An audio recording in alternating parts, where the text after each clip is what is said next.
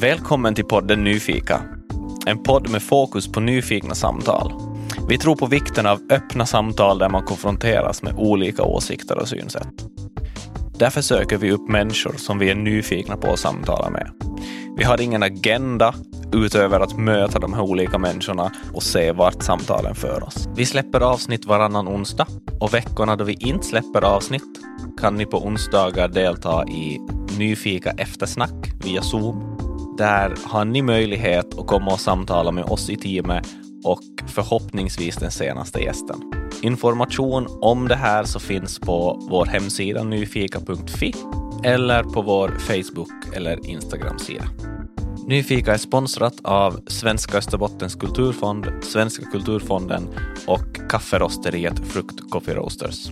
Varje avsnitt smakar vi på kaffe tillsammans med gästen och kaffena hittar ni på fruktcoffeeroasters.com.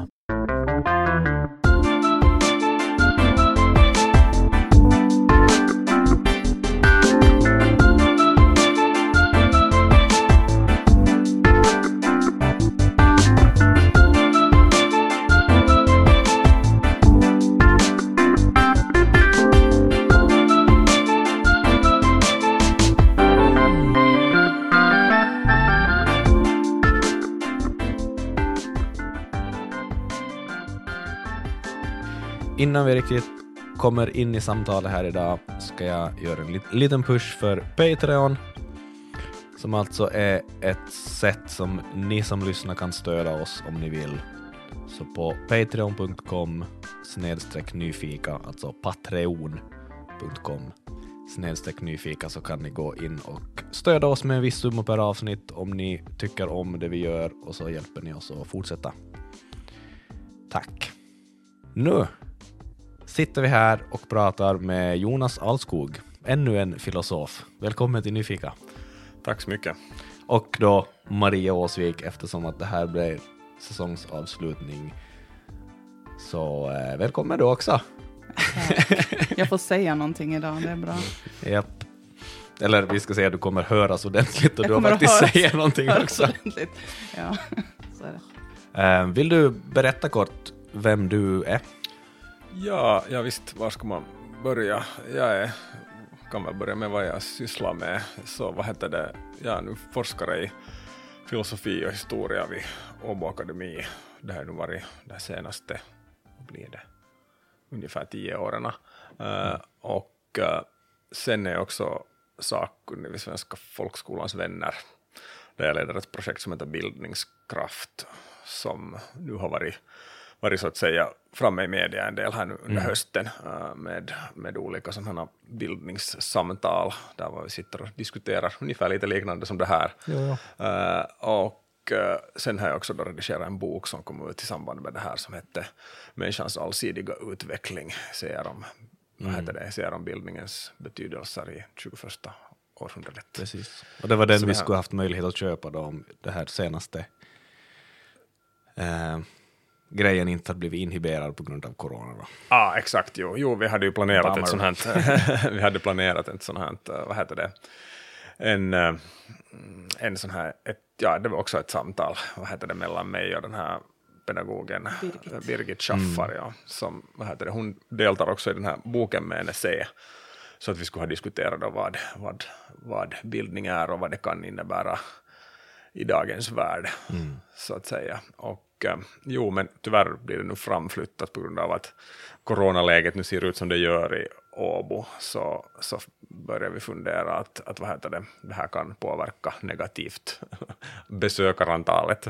Och eh, så verkar det också, vi hade ganska få förhandsanmälda, så jag tror att, att det här var helt klart en sak som spelar in här. Och eh, det, det har ju varit nu också här den senaste tiden högsta högsta corona, eller högsta incidenstalet någonsin i Åbo alltså jämfört med, med vad heter det, vad, vad det var här under hela pandemin egentligen. Så att vi, vi tänker att vi gör comeback så att säga på andra sidan uh, nyåret och då ordnar ett liknande evenemang då, så då, så då vad heter det, hoppas jag att det också kommer folk Ja. med, och, med och diskutera då Ja. också. Sådär. Ja, vi var ju anmälda och Ja. ivrigt förväntansfulla. Men Precis. Jo. Eh, kaffet som vi dricker annars är från eh, Kenya. Det är samma kaffe som vi hade tidigare här i podden. Ja, vad tycker du? Brukar du dricka Ja, kaffe? jo då. ja, jag tycker att det är gott faktiskt. Sådär väldigt äh, mjukt på något vis. Mm. Sådär. Så det passar riktigt bra. Får man mera, vad heter det? Ja, visst tack, kan jag ta lite till. Äh, Det här, ähm, man har ganska tidiga morgnar så att det är ju, jag är redan inne på andra kaffevarvet. Precis. Så det här. Ja, vi hann faktiskt dricka en kopp redan innan här också. Just det. Vi brukar ju inte annars vara jättebra att komma igång på morgnarna, så att, eh, ah, just det. men, eh, Ja. men nu, nu är vi i alla fall igång. Ibland när jag är hemma och ringer Jacke får jag säga hur sent jag kan ringa och du fortfarande sover. lyssnar ju på det här, men okej. Uh, någon gång när jag har ringt eh, Jacke så här, eh, på sistone när han råkar vara ledig från andra saker. Så alltså, jag kan ringa till och med så sent som klockan ett och han Ah. kan sova. Mm. Precis. Så att, eh, ja, jag är inte heller bra på morgnar men jag är inte lika trög på morgnarna som Jacke. Nej, just det. Ja. Eller jag är trögare när jag Ja. har vaknat men jag vaknar tidigare ska vi Mm. säga. Ja, så. Ja. Sen tar det till tolv när jag vaknar på riktigt. så vi får se hur det går.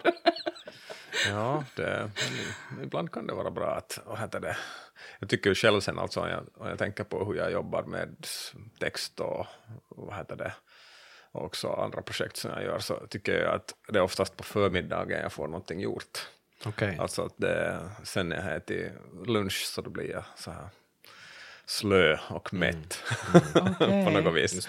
Och så har, det varit, så, har jag, så har jag jobbat ganska länge, alltså att det nästan alltid har skrivit så jag skriver på en förmiddag ungefär. Så att, alla, okej förstås, många förmiddagar, men att det här efter Ja. varandra. Men alltså att jag har helt klart en sån, sån arbetsrytm att jag, det, jag gillar att jobba på Alltså jag tror att jag skulle ha det också om jag faktiskt skulle komma upp och komma igång på, på morgnarna. Mm. För att sen då jag väl stiger upp så kan jag vara jätteeffektiv. Så mitt typ bästa strategi för att få, få gjort en deadline är att jag då just morgnarna innan stiger upp klockan sex och börjar jobba. Ja, precis. Alltså Men, mina texter ja. skulle vara väldigt inte, intetsägande och tråkiga. Och, eller kanske lite förvirrade om jag skulle skriva allting på förmiddagen. Mm. Nog- Jag är som bäst efter klockan tre på eftermiddagen. Jaha, Då börjar jag just det, komma ja. igång. Sen kan jag Ja. hålla igång till två på natten, det är inga problem. Just det. Ja. Ja. Ja, jag tror att ja, det är säkert helt, helt annorlunda det där. Sen är det förstås beroende på vilken sorts livsskede man är i också, att det finns inte så mycket utrymme för så här småbarnsföräldrar som jag att jobba där efter fem med nej. någonting överhuvudtaget. Nej, så här, så så det ju. att, Så så att, så att det, Nej. det ska hända på förmiddagen om det ska hända, eller okej eftermiddagen också. Men, men, men, men, Mm, men han passar ju sig till hur livet ser ut, det är ju Mm. så. det. Du, det här bildningskraftprojektet som du nämnde om har jag följt med lite grann, eller båda två förstås. Och, eh, och jag vet inte, jag tycker vi kanske börjar att prata om det, för att jag tycker att det har varit väldigt, väldigt givande och på många sätt många idéer och tankar som kommer upp där som jag tycker att berör lite vad vi har jobbat med här med podden också. Jag tänkte på det där du nämnde om med idén och tanken om att vi vet tillsammans, som du skrev om. Det här finns nu alltså också på, på essäer på HBL som är helt öppna för folk att gå in och lys- läsa om man vill. Så, så lyssnarna vet vad, vad de hittar det vi pratar om. Men jag tyckte det var en jättespännande, märklig idé på något sätt. Mm, precis. Ja, ja, du tänker säkert på de här, vad heter det, essäerna som jag skrev i Hufvudstadsbladet om, om bildning. Jo, där är det ju, jag lyfter upp den här tanken om att, att bildning skulle vara att veta tillsammans, så att säga, att vi har gemensamma äh, referensramar och ganska många idag så är lite nostalgiska och tycker att vad heter det, idag är allting så splittrat och vi har så många olika informationskanaler och vi har så många olika medieflöden och vad heter det, vi, vi lever så att säga i våra olika bubblor.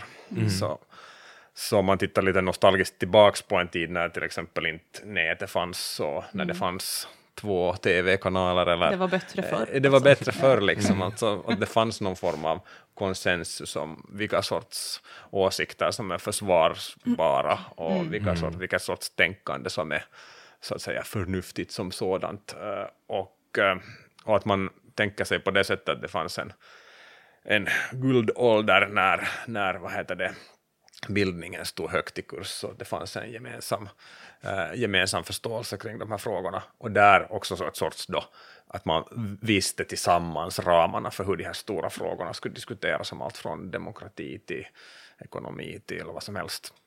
Eh, jag skulle inte säga att, att vad heter det, någon som jag vet nu kommer fram med den här idén i sin mest krassa form, men att det finns helt klart tendenser till att tänka så här.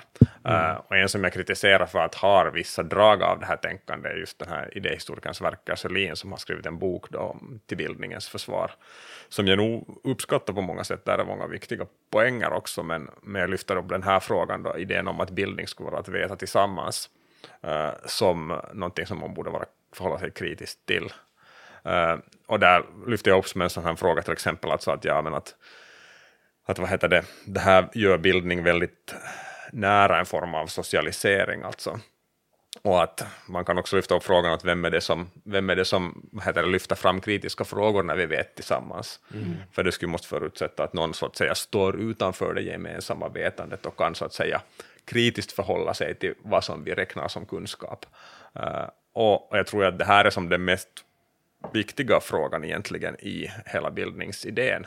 Alltså uh, att uh, ett självreflexivt förhållande till kunskap. Inte att man så att säga räknar upp en del kunskaper, ett visst kunskapsstoff som vi ska behärska och, och som vi ska så att säga på något sätt internalisera. Och, och också likadant med värderingar till exempel, mm. att man ska vara man ska vara mot nationalismen och man ska vara, vad heter det, mot, vad heter det, uh, ja, vad ska man säga, mot all, all vad heter det, fossila användningen av alla fossila bränslen eller något liknande. Det kan mm. vara alla möjliga sådana vad heter det, ganska...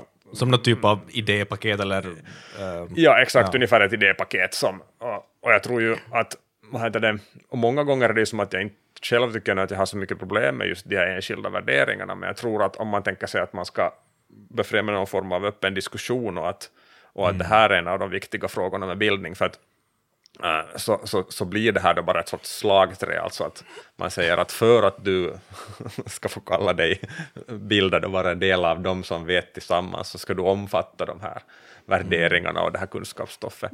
Och då tycker jag att då, då blir bildningsbegreppet helt tomt egentligen. Mm. Uh, då är det bara så att säga ett nytt sätt att försöka fra, föra, föra vad heter det, fram sina egna mm. uh, argument paketerade i ett påstått neutralt begrepp om bildning. Mm. Och egentligen är det ju så att om man tittar tillbaks i så att säga bildningsbegreppets idéhistoria, så ska man ju inte glömma att, att bildning har inte alls varit någon sån här demokratins stora eh, vad heter det, främjare eller riddare, utan man har använt just bildningsidén nästan största delen av dess historia som ett sätt att hindra demokratisk utveckling för att man säger att no, det finns, för det var den traditionella bildningsborgarskapets idé så att säga. Man använde idén om bildning som någonting som, som, som tillhörde de övre klasserna av samhället.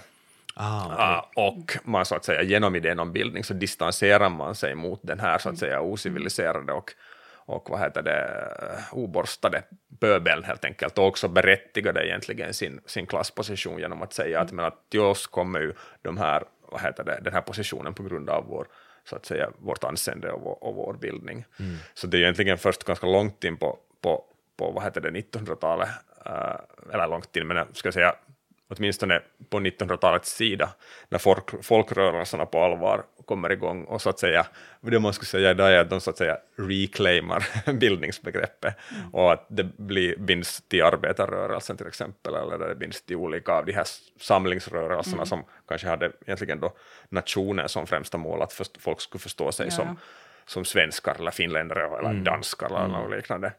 Så det är när, när de här folkliga rörelserna kommer och, och då för fram bildningsidén som en form av folkbildning och skulle skapa en gemensam kring det som den blir så att säga demokratisk, för då var det mycket en fråga om också att man skulle bli medveten om sin egen position i samhället till exempel och vad man kan göra för att förbättra den. Det var ju ett, ett helt givet mm. mål för arbetarrörelsens bildning till exempel, ja. att man skulle förstå att, att vi arbetare har någonting tillsammans, att vi står i ett gemensamt förhållande på något sätt till de som äger produktionsmedlen i, i samhället mm. och att vi behöver samla oss och organisera oss för att hävda våra rättigheter i samhället. Och det här var ju någonting som då, det här var egentligen väldigt nära förknippat med bildningsidén i olika folkrörelser. Allt från då just arbetarrörelsen till de här samlingsrörelserna till, till ja, nykterhetsrörelsen till alla möjliga sådana folkrörelser. Så det är först då som det får en sån här klart, skulle jag säga, demokratisk sida bildningsbegreppet, att när det som kläcks där på 1800-talet så, så skulle jag säga att det är mycket mera, mera elitistiskt egentligen. Okej, okay, men alltså jag får så mycket funderingar och frågor när man säger sådana här saker som att veta tillsammans, för att mm. jag tänker som att nu, nu pratar vi om att, ja, men att då fick den mer demokratisk eh, så här, tyngd på något sätt. Men, men egentligen så hela det där att veta tillsammans är inte jättedemokratiskt i mina öron.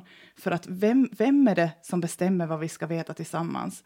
Och mm. vem är det här att vi vet tillsammans? För mm. det finns ju hur mycket olika människor som helst i vårt samhälle och, och hela, alltså det låter inte demokratiskt i mina öron, för att mm. då, då, betyder det att det ändå finns en, en slags elitistisk grupp som på något sätt uh, ur... Um, ja, men, uh, sätter ramverket. Ja, sätter ramverket och, och, och, bestämmer att vad, vad hör till det där som vi ska veta tillsammans och, och vilka människor passar då in i den... Alltså vem får vara med i det där? Och, och också om vi då går vidare till dagens uh, cancel culture och grejer så fort någon då har en, en, någonting som folk då tycker folk då tycker att inte hör till det där, så då, då kan de bli helt som alltså cancellade. Alltså mm. jag menar, vad, vad, är det mm. för, det finns, det, det, är inte, det är inte speciellt fint och demokratiskt på något mm. sätt, känns det som för mig. Det, det dyker upp så mycket på en gång nu, så jag, ja, jag tycker att det är intressant, plus att jag tycker att det är intressant hela den här avgränsande grejen, att det här är det som vi vet tillsammans, det där är sånt som vi inte ska ha att göra med. Det är ju också sådana här nationalistiska drag som jag inte överhuvudtaget, alltså jag menar det är ju en sån mm. där, vet du, att avgränsa och segregera är ju så här typisk på något sätt Mm. Och så är just nationalismen är någonting man inte ska ha att göra med, men man sysslar liksom med nej, samma nej. slags mm. drag eller samma slags mekanism på något sätt. Precis, ja. ja. ja. Nåja. Nej, men alltså, jag, jag tror nog att det ligger, vad heter det, mycket i, i dina reflektioner där, alltså att, att det har väldigt problematiska drag. Alltså, jag skulle kalla dem framförallt så här kollektivistiska drag, mm, att man vill mm. så att mm. säga dra linjer mellan vem som så att säga tillhör ja, visst, den, den, vad heter det, den, den gemenskap som, som, som berätt, kan säga sig inneha den, vad heter mm. det, den rätta förståelsen ja. av frågorna idag. Ja, det bara klickar ju när du sa nationalism som ett ja, exempel, så därför, därför alltså, liksom bara att vänta. Jag, jag, tänker ju alltså som för att en av de stora frågorna i hur bildning diskuteras idag och det finns en hel del, faktiskt hel del skrivet och det finns rörelser kring det här i, i Norden. Mm. Alltså att man vill så att säga väcka det här folkbildningsbegreppet mm. till liv igen. Jag har också i den här, den här antologin som jag nämnde kritiserat den här på vilket sätt man ska väcka, den här, väcka den här folkbildningsidén till liv. Alltså att jag tror inte att det är vettigt att väcka den till liv på samma sätt som den har varit, men det är ganska många som försöker göra det. Och det är den här tanken om att helt enkelt vi har en sån här organisk idé om bildning, kallar jag det, att man som knyts till så att säga samhällskroppen. Och den mm. bygger egentligen på en sån här idé om, om att veta tillsammans. Det är bara att nu ska vi som, istället för de här dåliga värderingarna, som vi idag uppfattar som dåliga, som nationalism till exempel, som var helt centralt sedan tidigare, så byter vi ut de här sakerna så att vi sätter, sätter nytt vin i, i, mm. gamla mm. läglar. Att ja, vi behöver som inte som egentligen uppdatera själva folkbildningsidén, Nej. utan vi behöver bara få inproppat i den, mm. alltså till exempel mm. miljömedvetenhet mm. eller antinationalism, mm. antinationalism eller något liknande. Ja. Och eh, och, och, det finns en hel del skrivet om det och det har ju då, jag vet att också inom pedagogiken så finns det en hel del kritiska forskare till det här som har börjat prata om alltså the Bildung Gospel, alltså att det blir någonting så här nästan religiöst kring hur man ska då mm. samlas kring idén om bildning och, mm. och det ska vara att man ska omfatta de här sakerna som någon sorts gemensam, gemensam rörelse. Mm. Medan jag då när jag har tänkt på de här sakerna har jag, har jag försökt istället påpeka en annan sida av själva bildningsidén och det är den här frågan om alltså självreflexivitet och vad heter det, äh, den ständiga, ständiga vad heter det, kampen om att lyckas tänka saker mm. själv, mm. alltså att självständigt tänkande. För eh, det här var någonting också som den här filosofen Joel Backström påpekade i de här diskussionerna vi hade vid det här, att, att det, är, ju- det är ju inte så att vi i vardagen hela tiden går att tänka själv, utan vi ska vara glada om vi lyckas tänka en eller två självständiga tankar hur? i hela vårt liv. hur, så, ja. att, vad heter det? så, att, så, så, och att, och att, och att, och att egentligen så är det så att, vad heter det, att om man ska prata om bildning på något vettigt sätt så ska det just handla om det, att försöka ta sig ur de här så att säga invanda sätten att tänka och få en sorts kritisk reflektion till det. Och jag, tycker också att det här finns faktiskt i den här traditionen kring idén om bildning, alltså det finns en hel del tänkare, allt från Schiller till Kierkegaard, som, som lyfter upp det här också, och är också moderna tänkare, som ja, Gadamer till exempel, eller Koselleck, alltså Reinhard Koselleck, en sån här tysk historiker, som lyfter upp som självreflexiviteten som en av de centrala dragen i som bildningsidén. Eh, istället för den här, på något sätt, den här kollektivistiska sidan, eh, vad heter det, som egentligen har, tycker jag fått mycket större, eh, större vad heter det, roll i den här nya diskussionen om bildning, vilket jag tycker är lite tråkigt för att, men jag kan förstå varför det är så, för att den är mycket enklare att göra så att säga politik av. Ja.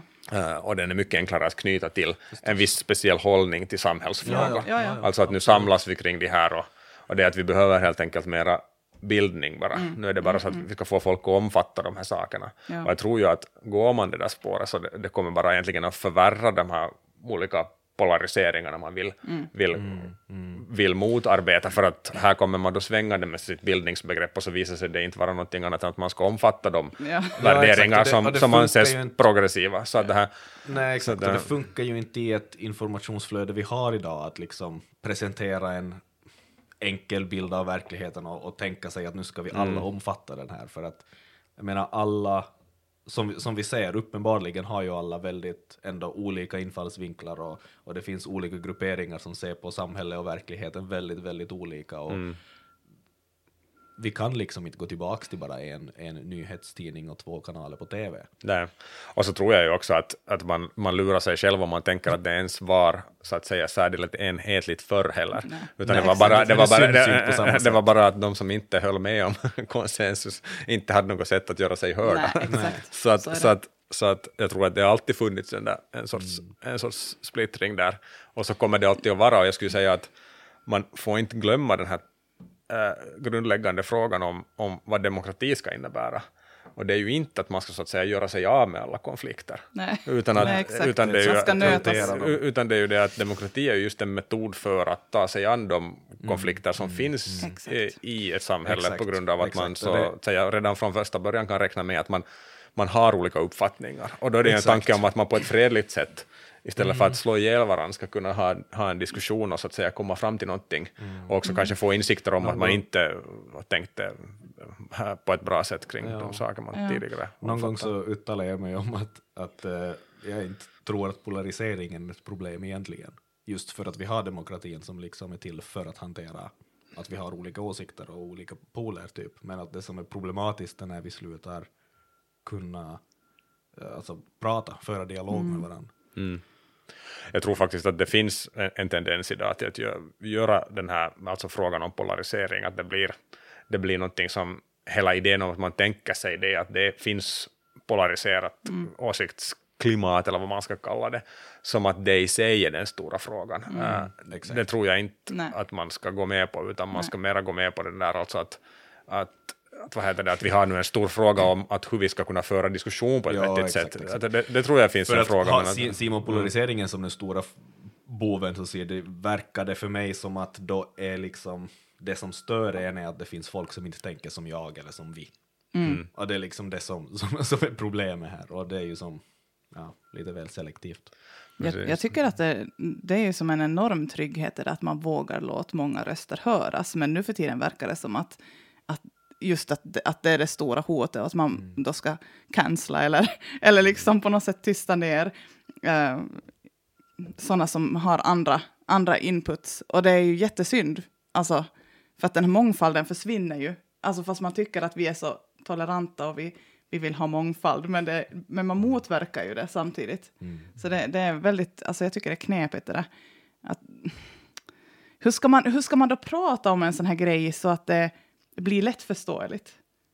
Hur ska man då lägga fram såna här grejer för att det ska bli en, en sak som gemene man kan på något sätt ta till sig vad det alltså att det inte blir Mm. för igen bara en åsikt som vi som kanske då inte har riktigt de rätta åsikterna i allting kanske har eller whatever. Alltså att det hur ska vi förmedla du, det här? Du, du tänker den här uh, frågan om att, att, att, man, att man borde faktiskt främja diskussion istället för att Ja. tänka sig att det är så polariserat så det går inte att Ja. diskutera. Uh, ja, jag tror ju nog att, att, att, jag tror att en av de sakerna som man är rädda för när man tänker sig att polariseringen är det här problemet, så är det här att, att börjar man diskutera med någon som man tycker att har obehagliga eller, eller vad heter det, så att säga helt oacceptabla åsikter eller sätt att tänka, så om man börjar diskutera med den här människan så då ger man, då ger man den ett utrymme som den inte borde få ha, för att man borde inte få tänka så där i samhället. Eller man, till exempel, Mm. här kan man ju gå som till extrema, alltså man kan ta extrema exempel så blir det lättare att, att, att förstå det här. Mm. Eh, om man tänker att man talar med någon högerextrem som tycker att men, jag tycker att vi borde ta upp på, på agendan för samhällsdiskussionen att vem är det som, vilken folkgrupp borde utrotas för att det skulle bli bättre i samhället. Alltså att en högerextrem person skulle lyfta upp det här som en, en fråga. Säger jag inte att någon har gjort det nu, men att jag kan tänka mig att det kan finnas mm. sådana element som vill lyfta upp det här. Så det är det ju helt klart att skulle man bjuda in en sån här person i ett radioprogram, så är det ju helt klart en risk för att man så att säga samtidigt torgför de här åsikt, Förstås, åsikterna, förstås. att man så att säga ger den här personen en plattform som den inte borde ha. Så jag tycker att till exempel att ordnar man sådana här offentliga diskussioner så finns det ju som faktiskt en fråga det där, alltså att vad ska man anse överhuvudtaget vara som en vettig, vettig, vettig person att delta i en sån här diskussion. Alltså att om man, om man till exempel vill dis- diskutera om att hur borde demokratin befrämjas så ska man bjuda in dem som inte överhuvudtaget tycker att det borde finnas demokrati. Att vi borde, som, vad heter det, vi borde hitta en stark ledare. Så, det här, så att eh, jag tror att det, det finns nog en fråga om vilka forum man ska ha diskussioner i. För, att, för att det finns helt klart en, eller till exempel att man för att, för att eh, om man inte tänker på den här frågan, så då, då, då verkar det så att man går in i en sån position där vad det är att man måste, måste framföra en idé om att det är egentligen en helt öppen fråga. Alltså att vi, vi kan på ett vettigt sätt diskutera att borde man utruta olika folkgrupper eller något sånt. Men när det är fort, fort, fortfarande förstås helt klart eh, helt absurt att ens tänka så. Ja. Eh, Så att eh, jag skulle säga att det blir mer en sån fråga att om man stöter på den här människan i, i vad heter det, i till exempel i sitt vardagliga liv och diskutera med den, så då tror jag att det är en annan sak att säga att nej, men jag, jag vill inte diskutera med dig. För att då tycker jag att vi har samtidigt med människor ett, ett sorts ansvar att ställa den här människan till försvars. Ja, att, exakt. att varför är det så att du tänker så här? Alltså inte som så här att jag, hmm, men att ja, jag måste fundera på det här. Vem borde utrotas? Ja, nej, nej, sådär. nej, nej, menar, förstås. att- Ja, att- att- att jag nu tar jag tänkt på allvar. Att, jag, att Ja, ja, ja. vem, vem är värst? Vet du? Sådär. Ja. Eh, att man skulle som acceptera det som en, som en, som en, att man helt enkelt inte accepterar det som en vettig fråga att diskutera, utan man diskuterar varför ställer du den här frågan? ja, exakt. Förstås. Så det här, så att, eller hur har du kommit fram till att, hur har du kommit, hur har du kommit till att tänka på det här Mm. ja, sättet hur började du ens eller- tänka på det viset? Ja, att hur, ja, ja. hur har du hamnat i en situation där var du ens tänker på det här sättet? Ja. Eh, och, att, och så därför att annars är det ju helt enkelt att bara ge upp på att man alls kan diskutera med den här människan.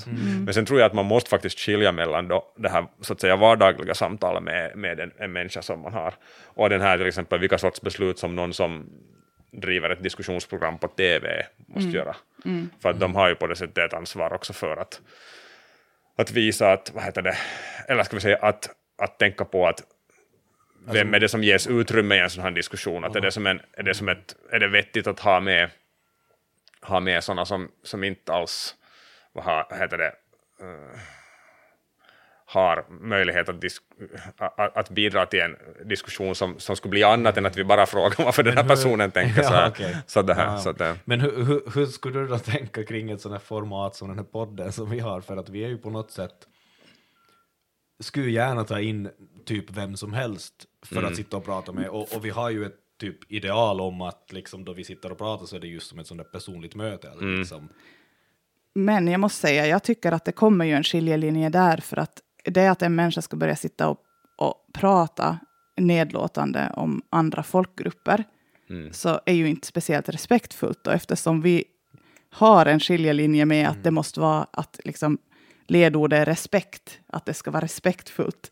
Så då, då faller ju de, tänker jag då, automatiskt bort, alltså en människa som faktiskt skulle uttala sådana saker. Mm. Sen, sen vad folk står för i sitt privata, det har man ju då en annan...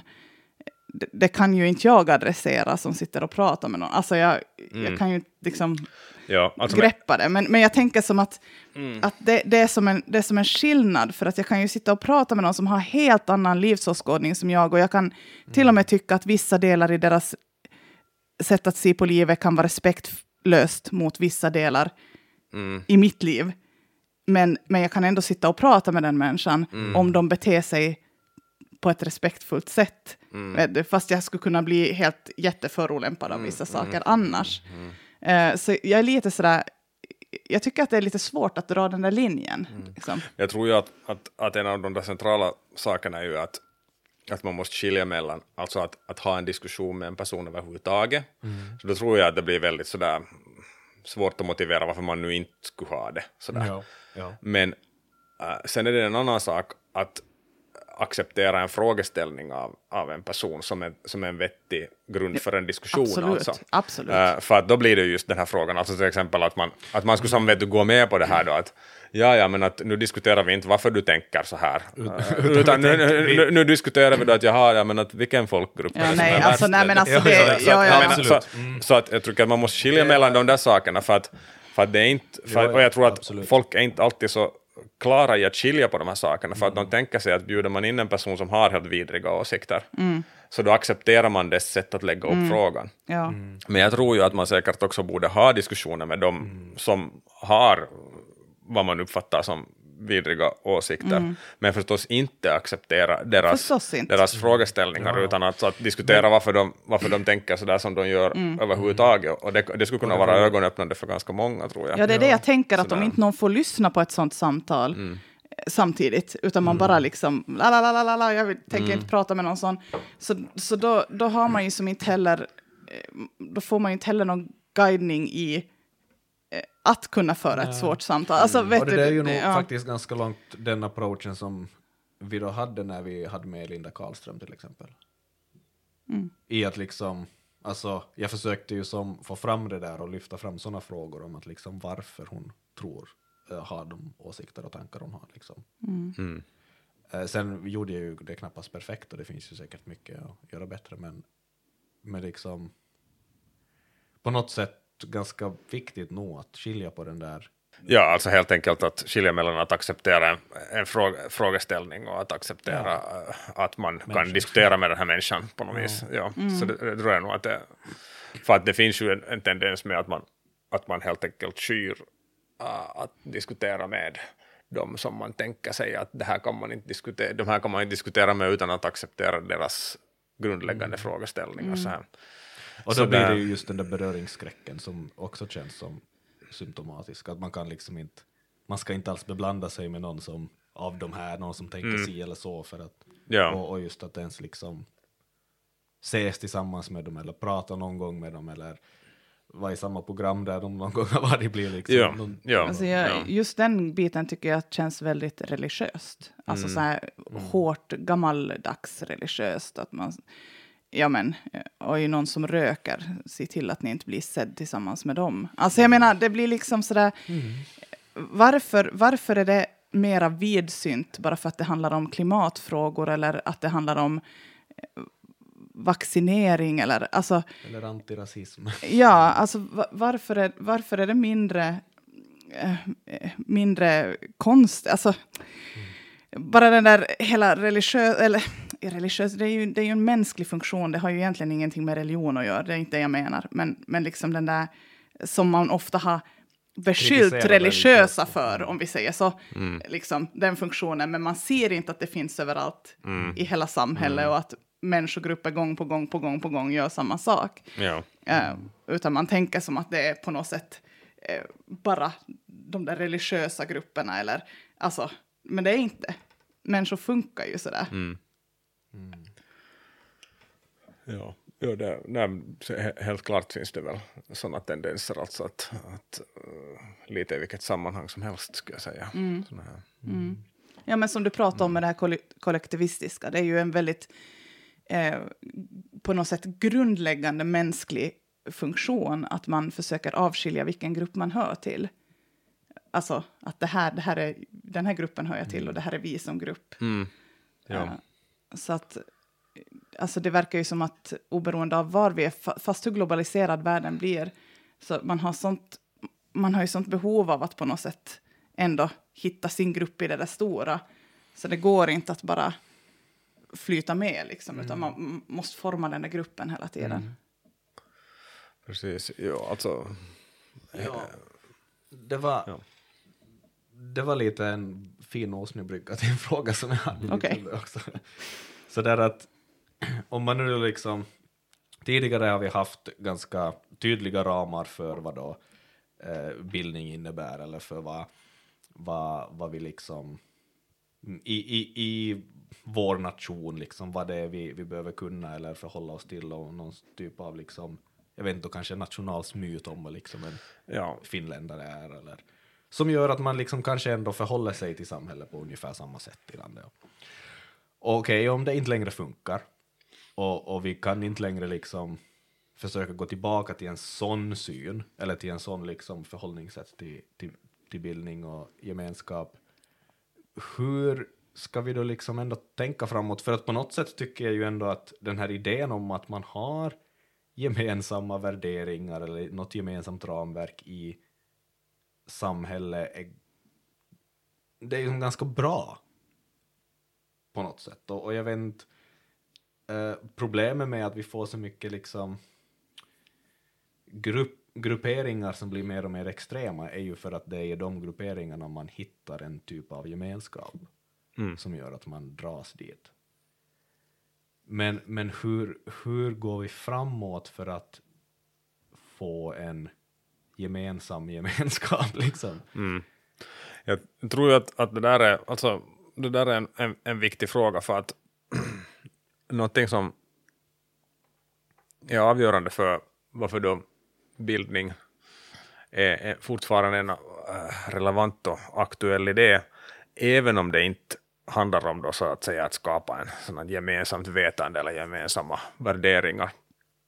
Äh, äh, så jag skulle säga att man måste tänka på en skillnad mellan vad man menar med gemensamma värderingar.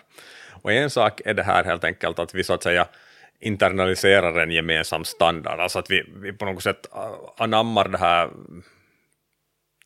vad som anses vara respektabelt eller vad som anses vara, vara vad heter det, ett vettigt sätt att tänka. Så som på ett, på ett icke-reflektivt sätt så att säga. Vi socialiseras till det här sättet att leva och, och, och tänka och att anamma de här värderingarna eh, helt automatiskt. Och det här var många de som började tänka på bildningsbegreppet på, på, på 1800-talet redan, till exempel då Friedrich Schiller så påpekade att, att det är ju inte frågan om att vi som saknar så att säga bildning i den här bemärkelsen från början, utan det är någonting vi föds in i. Så vi, vi startar alltid med en individ som är redan bildad så att säga av sin, den kultur den tillhör, sitt historiska sammanhang och, och vad heter det också också ska vi säga, familjeband och allt möjligt, så gör att den bildas på ett visst sätt och börjar, börjar tänka och får en massa så att säga de facto gemensamma värderingar eh, som, som den inte så att säga själv förstår att var är ens gemensamma. Eh, och det som då Schiller vill lyfta upp och andra också inom den här en sorts mer krit, själv, kritisk och självreflexiv bildningstradition är att den avgörande frågan är inte så att säga om värderingarna är gemensamma eller inte, utan om vi förhåller dem, oss till dem på ett reflexivt sätt. Så han säger då att vi måste så att säga eh, få syn på oss själva i förhållande till dem, till den kultur vi lever i och det historiska sammanhang som vi befinner oss i.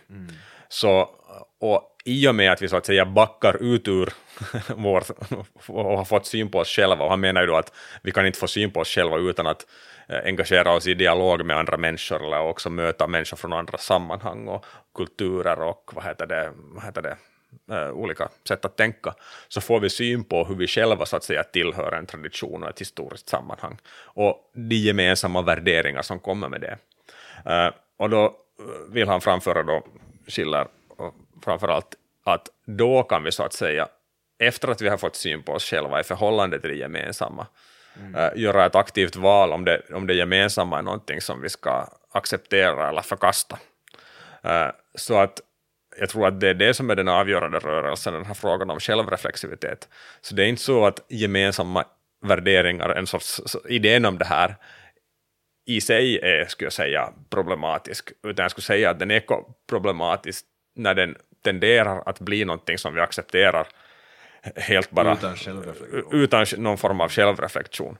Så, att, det, så, att, så att om vi har genomgått en, en form av bildningsprocess där vi ser oss i, själva också i förhållande till det gemensamma, att det här är ingenting som är bara av naturen givet, mm. så kan det ju vara helt enkelt att vi då också så att säga väljer att, att leva på det sätt som på något sätt tillhör de här gemensamma värderingarna. Och också faktiskt, jag menar, tänker att, jag menar, att den här frågan om ekologisk hållbarhet, det är ju självklart att vi borde omfatta sådana här värderingar. Mm. Men det är ju en helt annan sätt att förhålla sig till de här gemensamma värderingarna än att bara tänka att, men att ja, vad heter det, det är nu, det är nu så här, ja, eller inte ens tänka det, utan bara så att säga befinna sig i någon form av flockmentalitet och, och, och följa det här eh, de så, att så kallade gemensamma värderingarna för att det är nu så här man ska göra nu för tiden och, och det är nu det här som vad heter det, vi, vi eh, allmänt anses vara en, vara en bra idé. För det, det, betyder det ju att man inte egentligen har om, omfattat de här vad heter det, värderingarna och, och, eller till exempel också förhåller sig till vad som är de viktiga frågor kring kunskap idag. Uh, och, och det betyder ju också att man kommer att vara som ett vindfölje, alltså beroende på hur trenderna ändras, så vad heter det, eller vad som anses vara det, det som, som är acceptabelt mm. i samhället. Mm. Och, och det här är ju någonting som är det mest farliga, för jag menar, vi har ju exempel på alltså när, vi, när det har gått väldigt illa för till och med världens mest bildade folk. Jag menar till exempel 20-30-talet i, i, Tyskland, man, man skulle faktiskt kunna påstå att inget, inget folk har besuttit så mycket bildning i ren formell bemärkelse vid den tiden som, som vad heter det, som man hade i, i Tyskland. Alltså här hade vi verkligen en av de främsta så att säga, bildningsnationerna, eller bildningsländerna i, i hela Europa. Och, och, och, det hindrade inte att man så att säga, eh, det var, det var tydligen inga problem att man njöt av Mozart på dagen och var vad heter det, koncentrationslägervakt på kvällarna. Och det var just på grund av att det inte, eller okej, okay, det fanns ju många orsaker till att man hamnade i en sån här vad heter det, situation, men helt avgörande för det är också att man inte har en vad heter det, så här kritisk självreflektion. Alltså att man omfattade just bildning som någon sorts, vad heter det, äh, äh, paket av, av värderingar och vad heter det, vetande som, som man så att säga ska ha för att vara en, en respektabel person i samhället. Mm. Sen råkade det vara att de här respektabla personerna också gjorde all, alla möjliga helt fruktansvärda saker. Så att, så att jag tycker att det är ett exempel på när man, när man vad heter det, har, har, har har enbart den här tanken om det gemensamma och att vi ska ha någonting tillsammans precis, precis. utan att förhålla sig till det på ett, på ett vad heter det, reflexivt sätt. Jo, jo. Och ofta när man urskuldade sig varför, varför man så att säga, löpte med i det här, det här systemet, vad heter det, det fascistiska uh, sättet att leva så att säga. Uh, så, så, så, så pekar man ju på att ja, men det här var sånt som alla gjorde. Mm. Uh, det här var väl, vi följde bara, vi följde bara order till exempel, eller något liknande. Så att, så och det är ju klart att om, om, om bildning handlar om att just Eh, få folket att tänka på ett visst sätt eller anamma vissa värderingar eller vissa mm. synsätt. Så det är klart att det väldigt lätt blir en propagandamaskin då också. Ja, det, och det säger ju sig själv. Ja, ja, ja och, och, då, och, och då tänker jag just att, att, att här får man ju syn på då att, att det är inte, ska jag säga, mm, frågan om gemensamma värderingar som sådant som, som är mm. den avgörande, utan det är hur vi förhåller oss till det gemensamma. Uh, och, och, vad heter det? Och, och, vad, det som ska, vad en värdering ska betyda. Ska det faktiskt betyda att man bara, bara anammar någon sorts regel, att så här lever jag hela ja. tiden utan att, utan att ens förhålla sig till möten med andra människor och vad det kan, mm. vad det kan kräva av oss. Mm. Så, mm, och det är en alltså fallet, så, att, så, att det här, så, att, så att jag tror ju att att man ska inte sen hamna, för att gå tillbaka till din första fråga, att man ska, om man påpekar den så att säga eh, självkritiska och självreflexiva sidan av bildningsidén så betyder det inte att man så att säga kastar det gemensamma på sophögen, att det betyder inte att man, man tänker att det kan inte finnas några gemensamma värderingar alls, mm. Eh, men det kommer då att vara någonting som var och en så att säga faktiskt måste förhålla sig till. Som, som gemensamt och förhålla Precis. sig till som en fråga om, om det är vettigt eller inte. Alltså ett, ett, mer, mer nutida och mindre dramatiskt exempel på, på det där så är vad jag har observerat typ i Sverige i liksom den allmänna debatten eller politiska debatten där för några år sedan så alltså Sverigedemokraterna växte sig stora och, och deras, alltså i princip allt vad de sa ansågs ju vara rasistiskt. Så att alla liksom problem med, med invandring i den skala de har haft så tystades direkt ner eller liksom blev som hårt emotsagt som att det där är ju absolut rasistiskt och vi kan absolut inte lyfta de här frågorna och, och så vidare. Och så sen mitt i allt, liksom på några månader bara, så svängde för att på något sätt liksom de här stora etablerade partierna så insåg att okay, vi måste börja prata om det här, vi måste börja prata om eh, olika effekter vi ser i samhället idag som direkt härleds från en stor, stor invandring. Och, och på något sätt på en gång så blev de frågorna liksom rumsrena och okej, okay. och alla medier som tidigare har liksom drevat på det där att det är så otroligt rasistiskt anamma liksom samma förhållningssätt och det var som mm. så väldigt, väldigt absurt att det gick att göra just en sån kovändning liksom så snabbt. Och det visar ju på något sätt alltså en, Ja, någon typ av alltså, sån tendens. Ja. och det, säger, och det säger ju någonting om att på vilket sätt omfattade man så att säga antirasismen ja, tidigare. Ja, på vilket så sätt att säga, man och, när man, när man, om, om, om man svänger i sin opinion på det där viset. Så det här, Men där finns ju också den, den lilla detaljen då att de faktiskt har ett rasistiskt ursprung, hela partiet. Mm. Och, det, och det gör ju att man har en förutfattad mening om att det som kommer därifrån är rasistiskt. Jo, alltså, så att man har ju en, en ja, det är bara en, en så här, ett ja. tillägg till det där. Ja, ja, att, att det är ju en, ja, men det är ändå samma, det där fenomenet är ju jättefascinerande. Exakt, och det, det är ju ändå liksom samma på något sätt att, att att tycka att det de sa var då jättedjupt problematiskt och rasistiskt verkar ju inte vara jätte liksom grundat på något sätt. Eller liksom, men det är det ja, jag menar, ja, att det var ju nej. för att man tänkte att det som kommer därifrån är dåligt. Mm. Oberoende av vad de mm. säger så är det dåligt för ja, att det kommer ur ett dåligt ursprung. Så det är ju som, jag menar, det, det blir så komplext på något mm. sätt, hela den där... Eh, att vad är vad? Vad är faktiskt våra åsikter och vad är, vad är bara för att vi ska, vi ska markera mot, mot de här som kommer från det här Alltså, och vad är sen bara politik i det? Hur mycket mm. bryr man sig egentligen mm. varifrån de kommer? För det finns ju andra partier också mm. som har helt lite märkligt ursprung. Mm. Så jag menar, ja. Mm. Precis, ja, det stämmer. Ja. Det är intressant att svänga på de där grejerna tycker jag. Men det här är ju typ orsaken varför jag inte kallar mig antirasist eller kallar mig anti ditt och datt. För att jag tycker mm. att sådana liksom uttalanden och ståndpunkter är ofta som så tomma. Mm. Så det är liksom, ja men på något sätt så säger det ingenting. Alltså på något sätt så borde det ju vara rent, alltså, eller jag tänker som att det borde vara så självklart om man är människa att man inte gör skillnad på hudfärg. Alltså jag menar, jag, mm. jag, jag, ja, jag, men jag, jag vet att jag är så här blogg med det där, men jag, jag tycker som att det hör så... Jag, jag har inte, lika lite som jag har behov av att markera att jag är kvinna, för att det är så själv... Alltså vet ni, det är mm. liksom alltså, det som, det som är självklart blir ofta för mig sådär att jag inte gör någon grej av det. Mm. Alltså. Nej, exakt. Har, har, man behov av att göra ett starkt liksom, statement, skylta ut någonting så, alltså, jag menar, är man jätte, jättetrygg i den identitet man försöker liksom skylta ut och bara liksom skrika ut så, så kanske inte man behöver göra det. Vänta nu, vad blev det för mening? Ja. ja, men intressant. Ja, men det, ja. ja. Jag vet inte. Uh, om jag lite backar tillbaks här till vad vi sa, så just den där idén om att veta tillsammans, det var någonting jättespännande som du skrev där tycker jag, eh, när du lite kritiserade och lyfter upp, alltså just att kanske det är där problemet ligger i när vi har så svårt att, att möta några andra åsikter. Mm. För att det gör att just, det var ju den här självreflektionen vi var inne på, att, att en, eh, att liksom om jag möter en, en, en annan åsikt än den jag har, så handlar det i så fall inte om liksom, hur förhåller jag mig till det du säger, utan just att hur förhåller vi oss? Och, och, och då blir på något sätt min uppgift här att försvara den, den grupp jag, jag är medlem i och jag kan inte just själv förhålla mig till det och själv reflektera kring det du säger.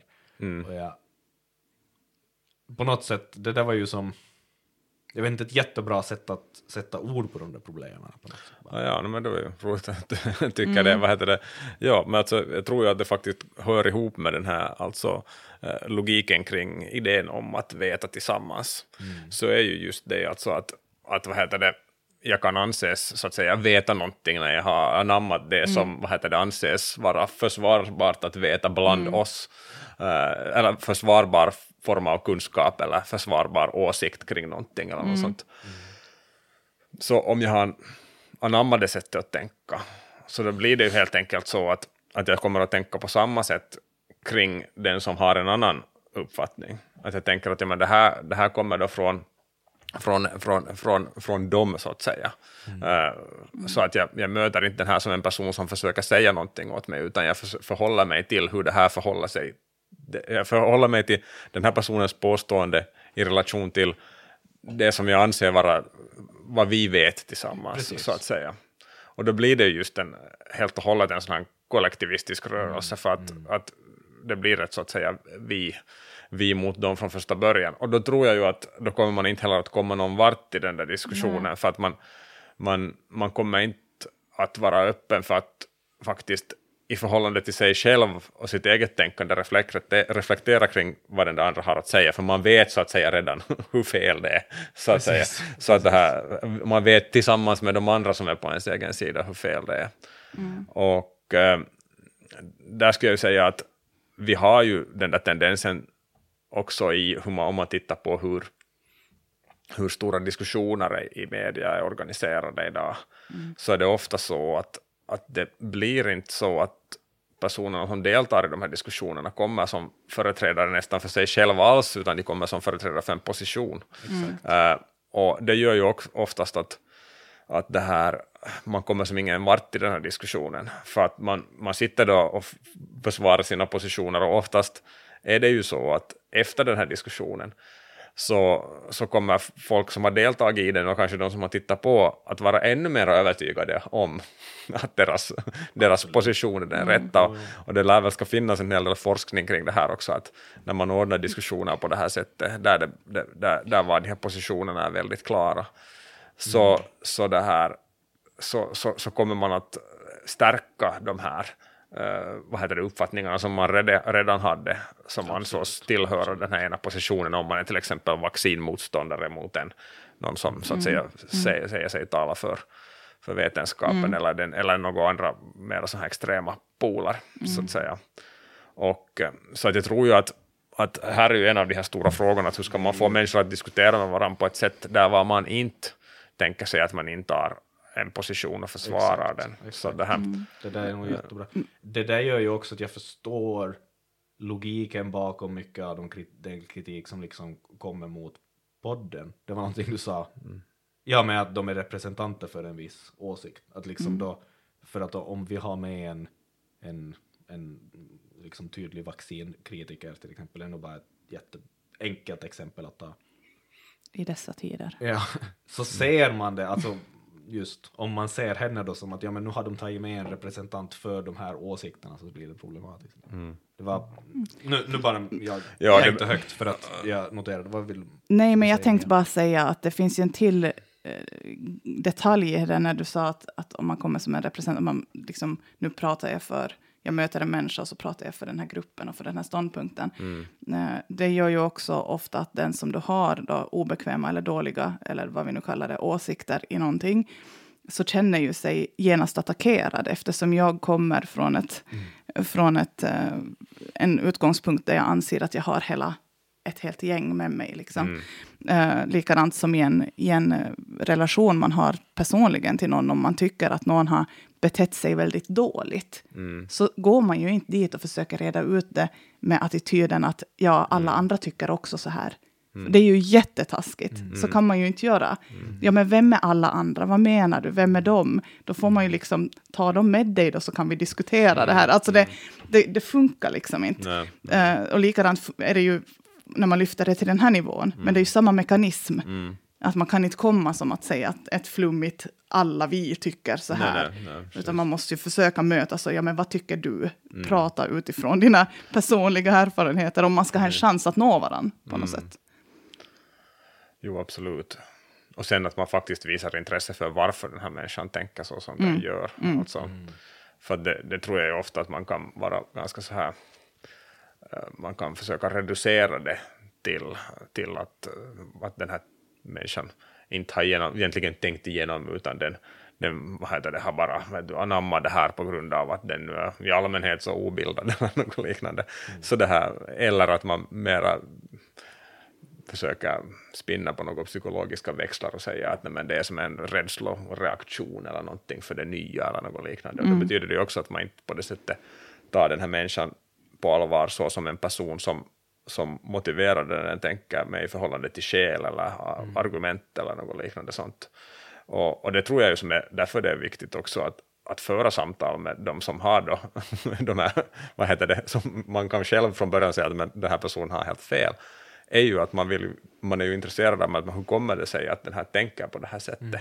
För att då får man ju reda på någonting mera kring också vad man överhuvudtaget skulle kunna göra för att, för att komma ur en sån här situation. Exakt. Alltså, där var man har människor som faktiskt verkar tänka från allt från att jorden är platt till att, vad heter det, till, till det här till att, att, vad heter det, att vi kan inte ta vaccinerna för att de ger oss ett chip i armen eller något liknande. Så, att, så, att, så att jag menar, för att alls nå en sån människa, om man tänker, och det här tycker jag är intressant för att, det, för att nå en sån människa så måste man förhålla sig till den så som att den tänker så här på grund av olika särskilda skäl som den har till det här, eller att den resonerar på ett visst sätt eller liknande.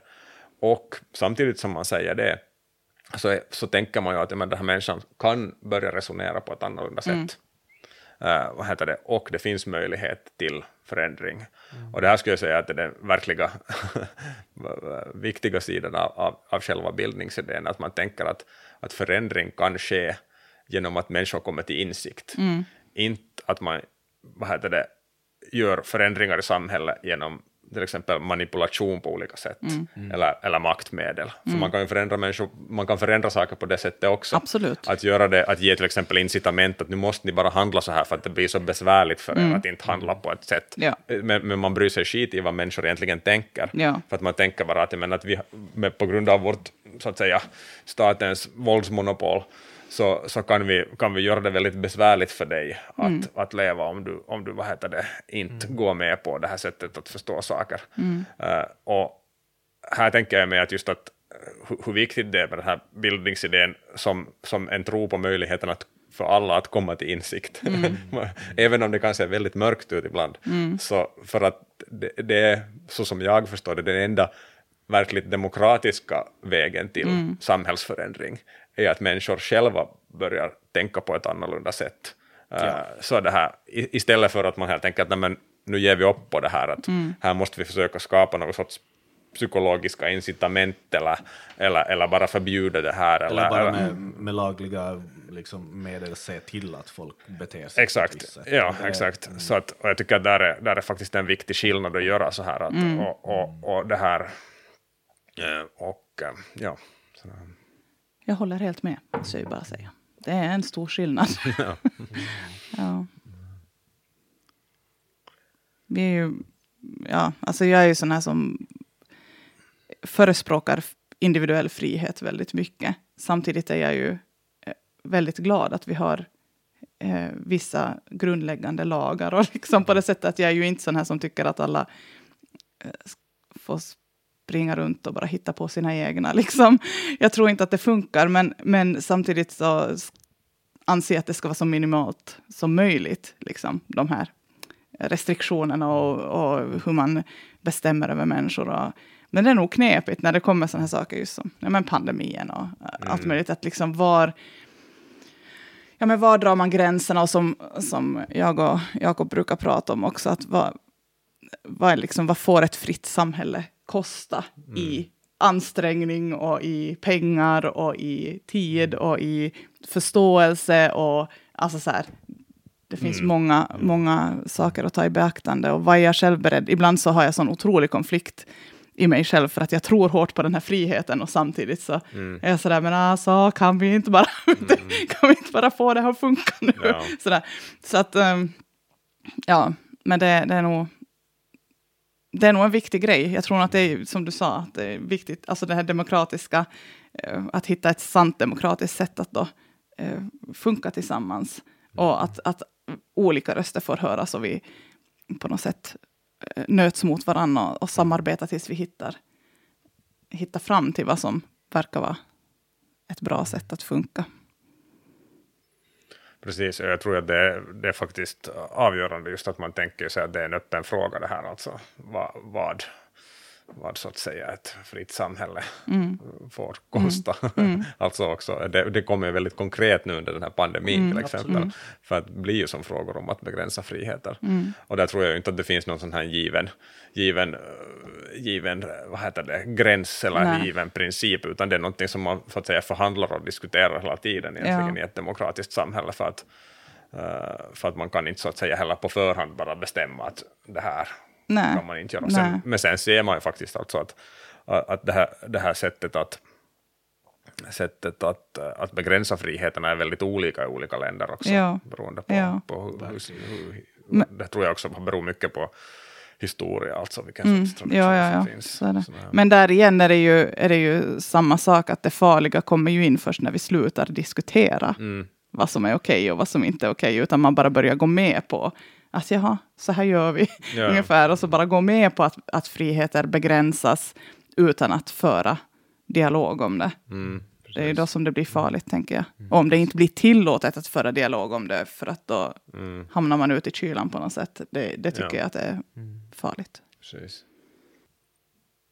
Du ser ut som att du tänker väldigt hårt på något sätt.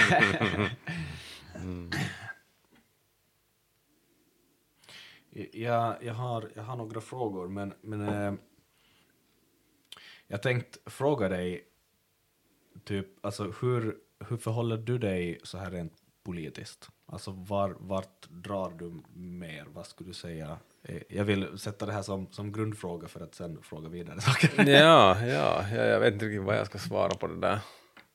Kanske man ska, det finns ju den här klassiska av, av, av vad heter det, om, om man ska ha vad heter det, tillhörighet så Ja, det är ju viktigt. Jag behöver ju sätta in det i rätt fack. Ja.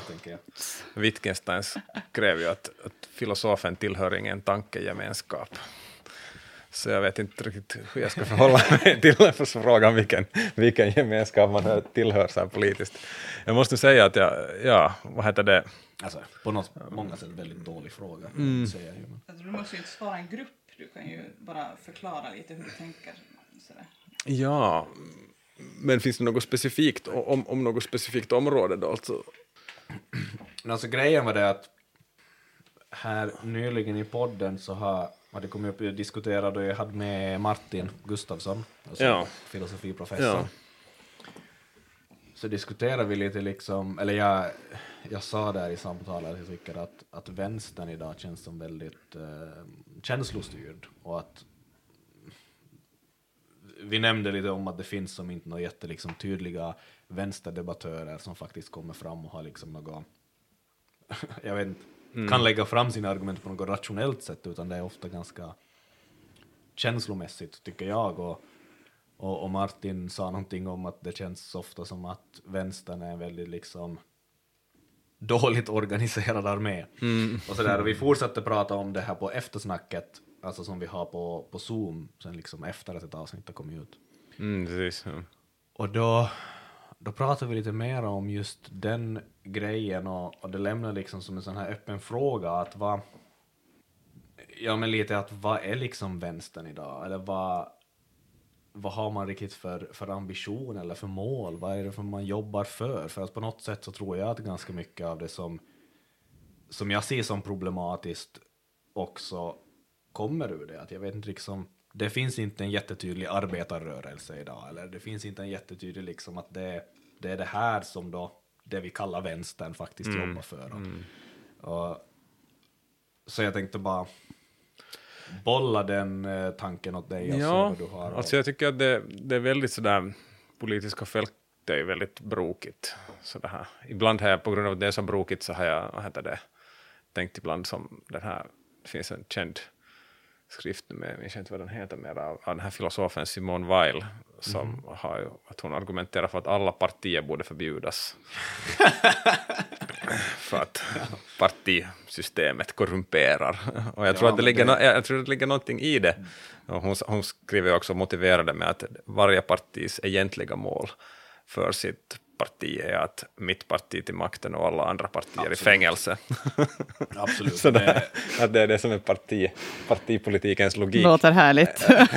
ja, men alltså jag, jag tror ju också faktiskt att det är Om man, om man tittar på hur det har gått i vissa länder så är det inte Ja, helt osannolikt. Men, det här, men jag tror ju att alltså, om man tittar på politiska kartan idag så tror jag att en hel del förklaras av den interna vad heter det, partipolitiska dynamiken. Mm. Och om du nämnde vänstern så tror jag att, att, att om vänstern, vänstern idag, men jag tror nog att också andra partier, också ska jag säga ganska klassiska högerpartier, uppfattar jag vara ganska vilsna. Mm. För att de så att säga väldigt desperat försöker positionera sig i förhållande till nya politiska partier, eller nya och nya, de är inte så nya mera, men alltså de som har kallats populistiska partier eller det är lite svårt att säga vad man ska kalla dem egentligen. Det är de som i Sverige brukar man ibland kalla, alltså mm, som ju partiledaren för Sverigedemokraterna blev väldigt arg för, alltså vad var det, blå, Blåbrun. grö, blå, blå, Blåbrun. blåbruna, ja ursäkta, blåbruna förstås, och, eller högerextrema eller något sånt, men jag tycker också det är som det är lite oklart vad man ibland Alltså menar alla, med det. alla Så de att, så där det här, begreppen blir väldigt Ja. platta, eller om man riktigt börjar tänka på dem, vad det betyder, så är det Ja. ganska som obvious att det är ja, ja, problematiskt. Och jag Exakt, menar, nog ja. kallar man ju också Sannfinländarna här högerextrema ibland. ja, Och jag menar, vi pratar med, med Timo Soini och han är ju som, han kallar sig själv radikal centrist ja, ja. egentligen. Jag menar, och, och inte har ju Sannfinländarna någon ekonomisk liksom utpräglad högerpolitik alls. ja, ja, precis. Så alla de här begreppen är ju jättedåliga egentligen och det är också Mm. därför min fråga var jättedålig. Men, Ja, alltså jag tror att det är väldigt, jag tycker att den här, på något sätt har den som men har den försvunnit den här, alltså av att de här nu har det ju förstås alltid varit så att partier har positionerat sig i förhållande till andra partier och försökt där så att säga kamma åt sig röster. Men jag tror att det är ännu mer idag på grund av att man också har sett en ganska stor del av de här traditionella så kallade arbetarrösterna har flytt från vänsterpartierna. Jo, Eh, både, jo, jo. både i Finland och i Sverige och, och flytt också just till alltså de så kallat populistiska partierna, eller vad vi nu ska kalla dem, men att Sverigedemokraterna i Sverige och, och Sannfinländarna i Finland. Och där tror jag nog att alltså en av de stora frågorna för vänstern ska jag säga är att man inte har på samma sätt som tidigare var det så att, alltså som att arbetarrörelsen och vänsterpartierna gick väldigt så här hand i hand. Och det var för att man, man via facket var så duktig på att organisera alla, så gott som alla arbetare, så att få dem fackligt anslutna på olika sätt.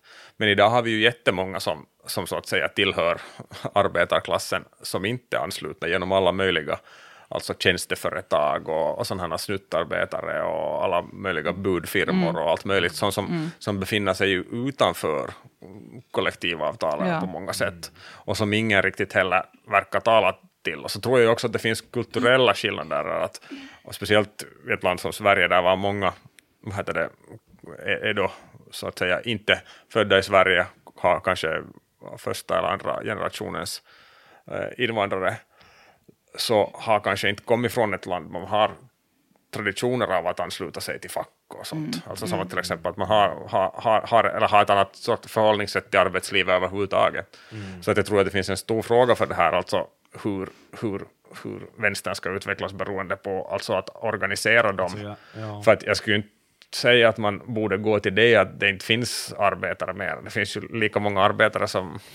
ja. alltså som det är bara det att de gör andra saker. Det, det, ska vi säga, Mm. stålindustrin Alltså har blivit mindre, men servicesektorn har växt Ja, ja, ja. enormt, Ja. så att säga. Och, där, och den involverar ju jättemånga Ja. som, vi, som helt på riktigt ska kallas arbetarklass, så att säga. Alltså det som, som gör att jag frågar, alltså för att jag sådär rent bara ekonom, alltså ekonomiskt politiskt så så, så ligger jag mera till höger och ganska ofta så, så drar jag liksom till höger så att jag ju som på det sättet ser olika vänsterfenomen ganska utifrån och det gör ju att jag har lite svårt att förstå. Men det som jag liksom då ser och som gör att det blir som så Ja, men det är som just det här att jag har som svårt att se vad, vad det är man egentligen jobbar för längre. Alltså, så där, det har som funnits en tydlig då, ja men just som sådär att stå upp för, för arbetaren och se till att arbetarnas rättigheter liksom etableras. Och på många sätt har vi dem väldigt etablerade idag. Alltså, ja, feminismen hade en väldigt liksom tydlig och viktig grej att stå upp för och jobba för på 70-talet, men det är inte lika tydligt idag längre vad det egentligen liksom konkret handlar om. Alltså, och, och sådana där liksom grejer att stå upp för olika typer av, alltså, ja men just folk som, som är lite nedtryckta. i Orättvisor. Mm. Orättvisor. Det är som så, ja, ja, det känns som att den där liksom tydliga målet inte riktigt finns där och då, då funderar jag att är det därför som det är så lätt att, att se de här problemen med just sån här kollektivistiskt tänkande och som vi har varit inne på tidigare idag. Ja, jag tror ju att heter det, man kanske för lätt går in på att det inte finns stora frågor. Alltså om jag nu tänker bara på vad jag gärna skulle säga att en feministisk rörelse skulle jobba för. Alltså till exempel, vad heter det, vårdaryrkets löner. Ja. Men det är en helt enorm fråga.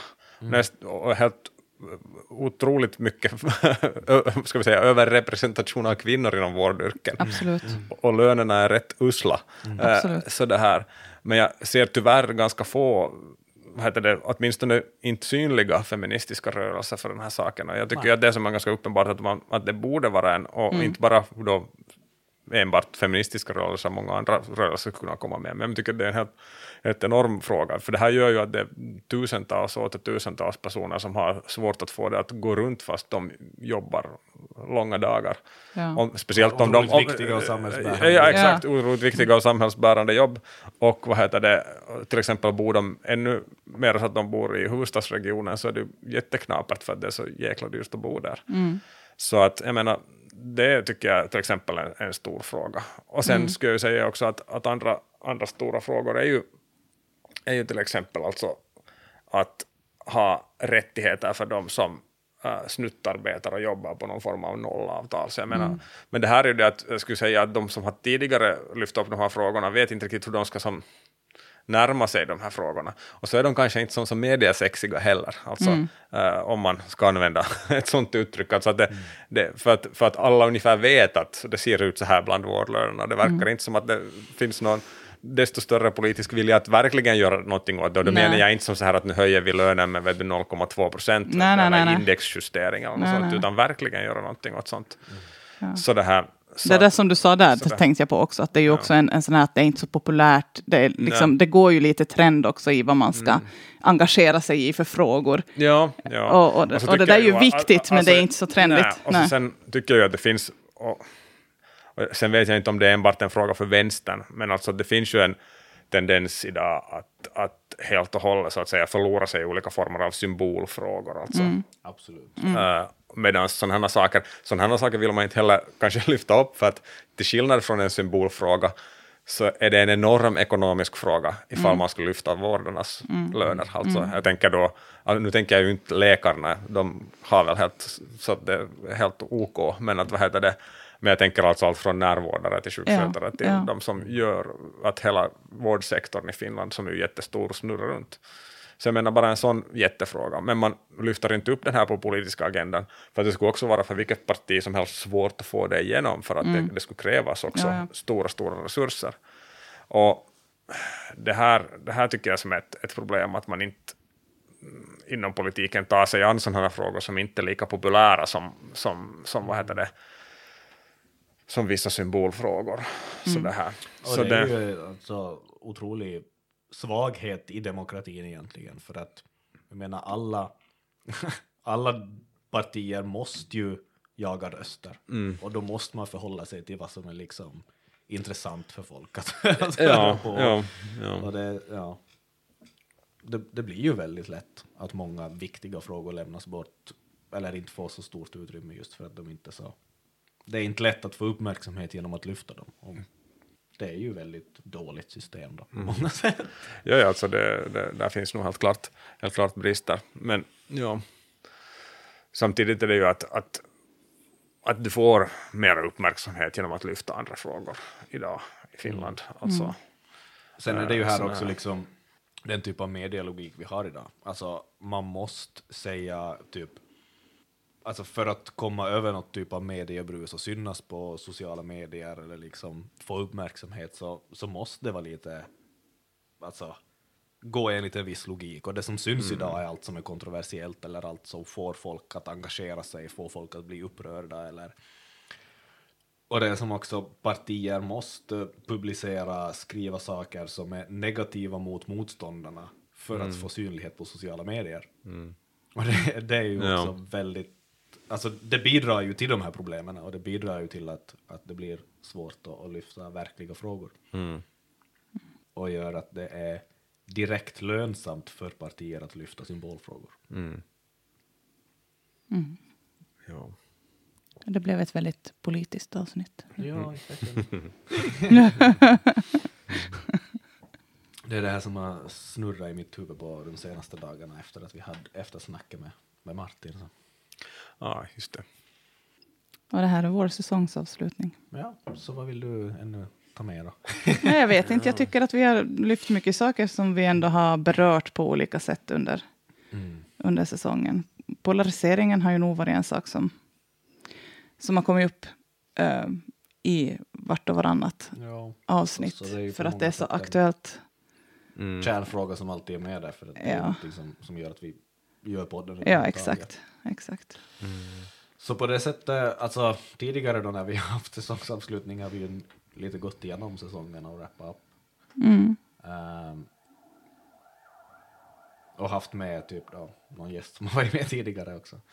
Så det här blev ju annorlunda, men på många sätt har vi ju, alltså på ett helt annat sätt än tidigare pratat om och diskutera just de här grundläggande frågorna till, Mm. Och någonting liksom som lite tangerar syftet med podden. För att Mm. det är speciellt. Så att jag tror att det har varit ganska, för mig hade det varit väldigt givande i alla fall. Absolut. Det var jätte, jättespännande att få lyssna på dina tankar om bildning. Och Ja, nej, tack för att ni bjöd in mig. Det var roligt att komma och jätteroligt att du var med. diskutera. Tack för att du kom. Ja, tack själva. Och så eh, återkommer vi efter lite pausen. Jättebra. Ja, men, tack för att du var med. Tack själva. tack. Lycka till med fortsättningen. Tack. Tack. Vad kul att du följt med i samtalet. Vill du stötta oss och hjälpa oss att göra podden? Kan ni stödja oss ekonomiskt via vårt Patreon. Länk till det finns i beskrivningen. Ni kan också stödja oss genom att dela podden och tipsa era vänner. Men vi vill också höra vad ni tycker om samtalet. Så skriv gärna en kommentar åt oss på Instagram eller Facebook. Jag heter Jakob Hjortman och jag hoppas att ni följer med i nästa samtal.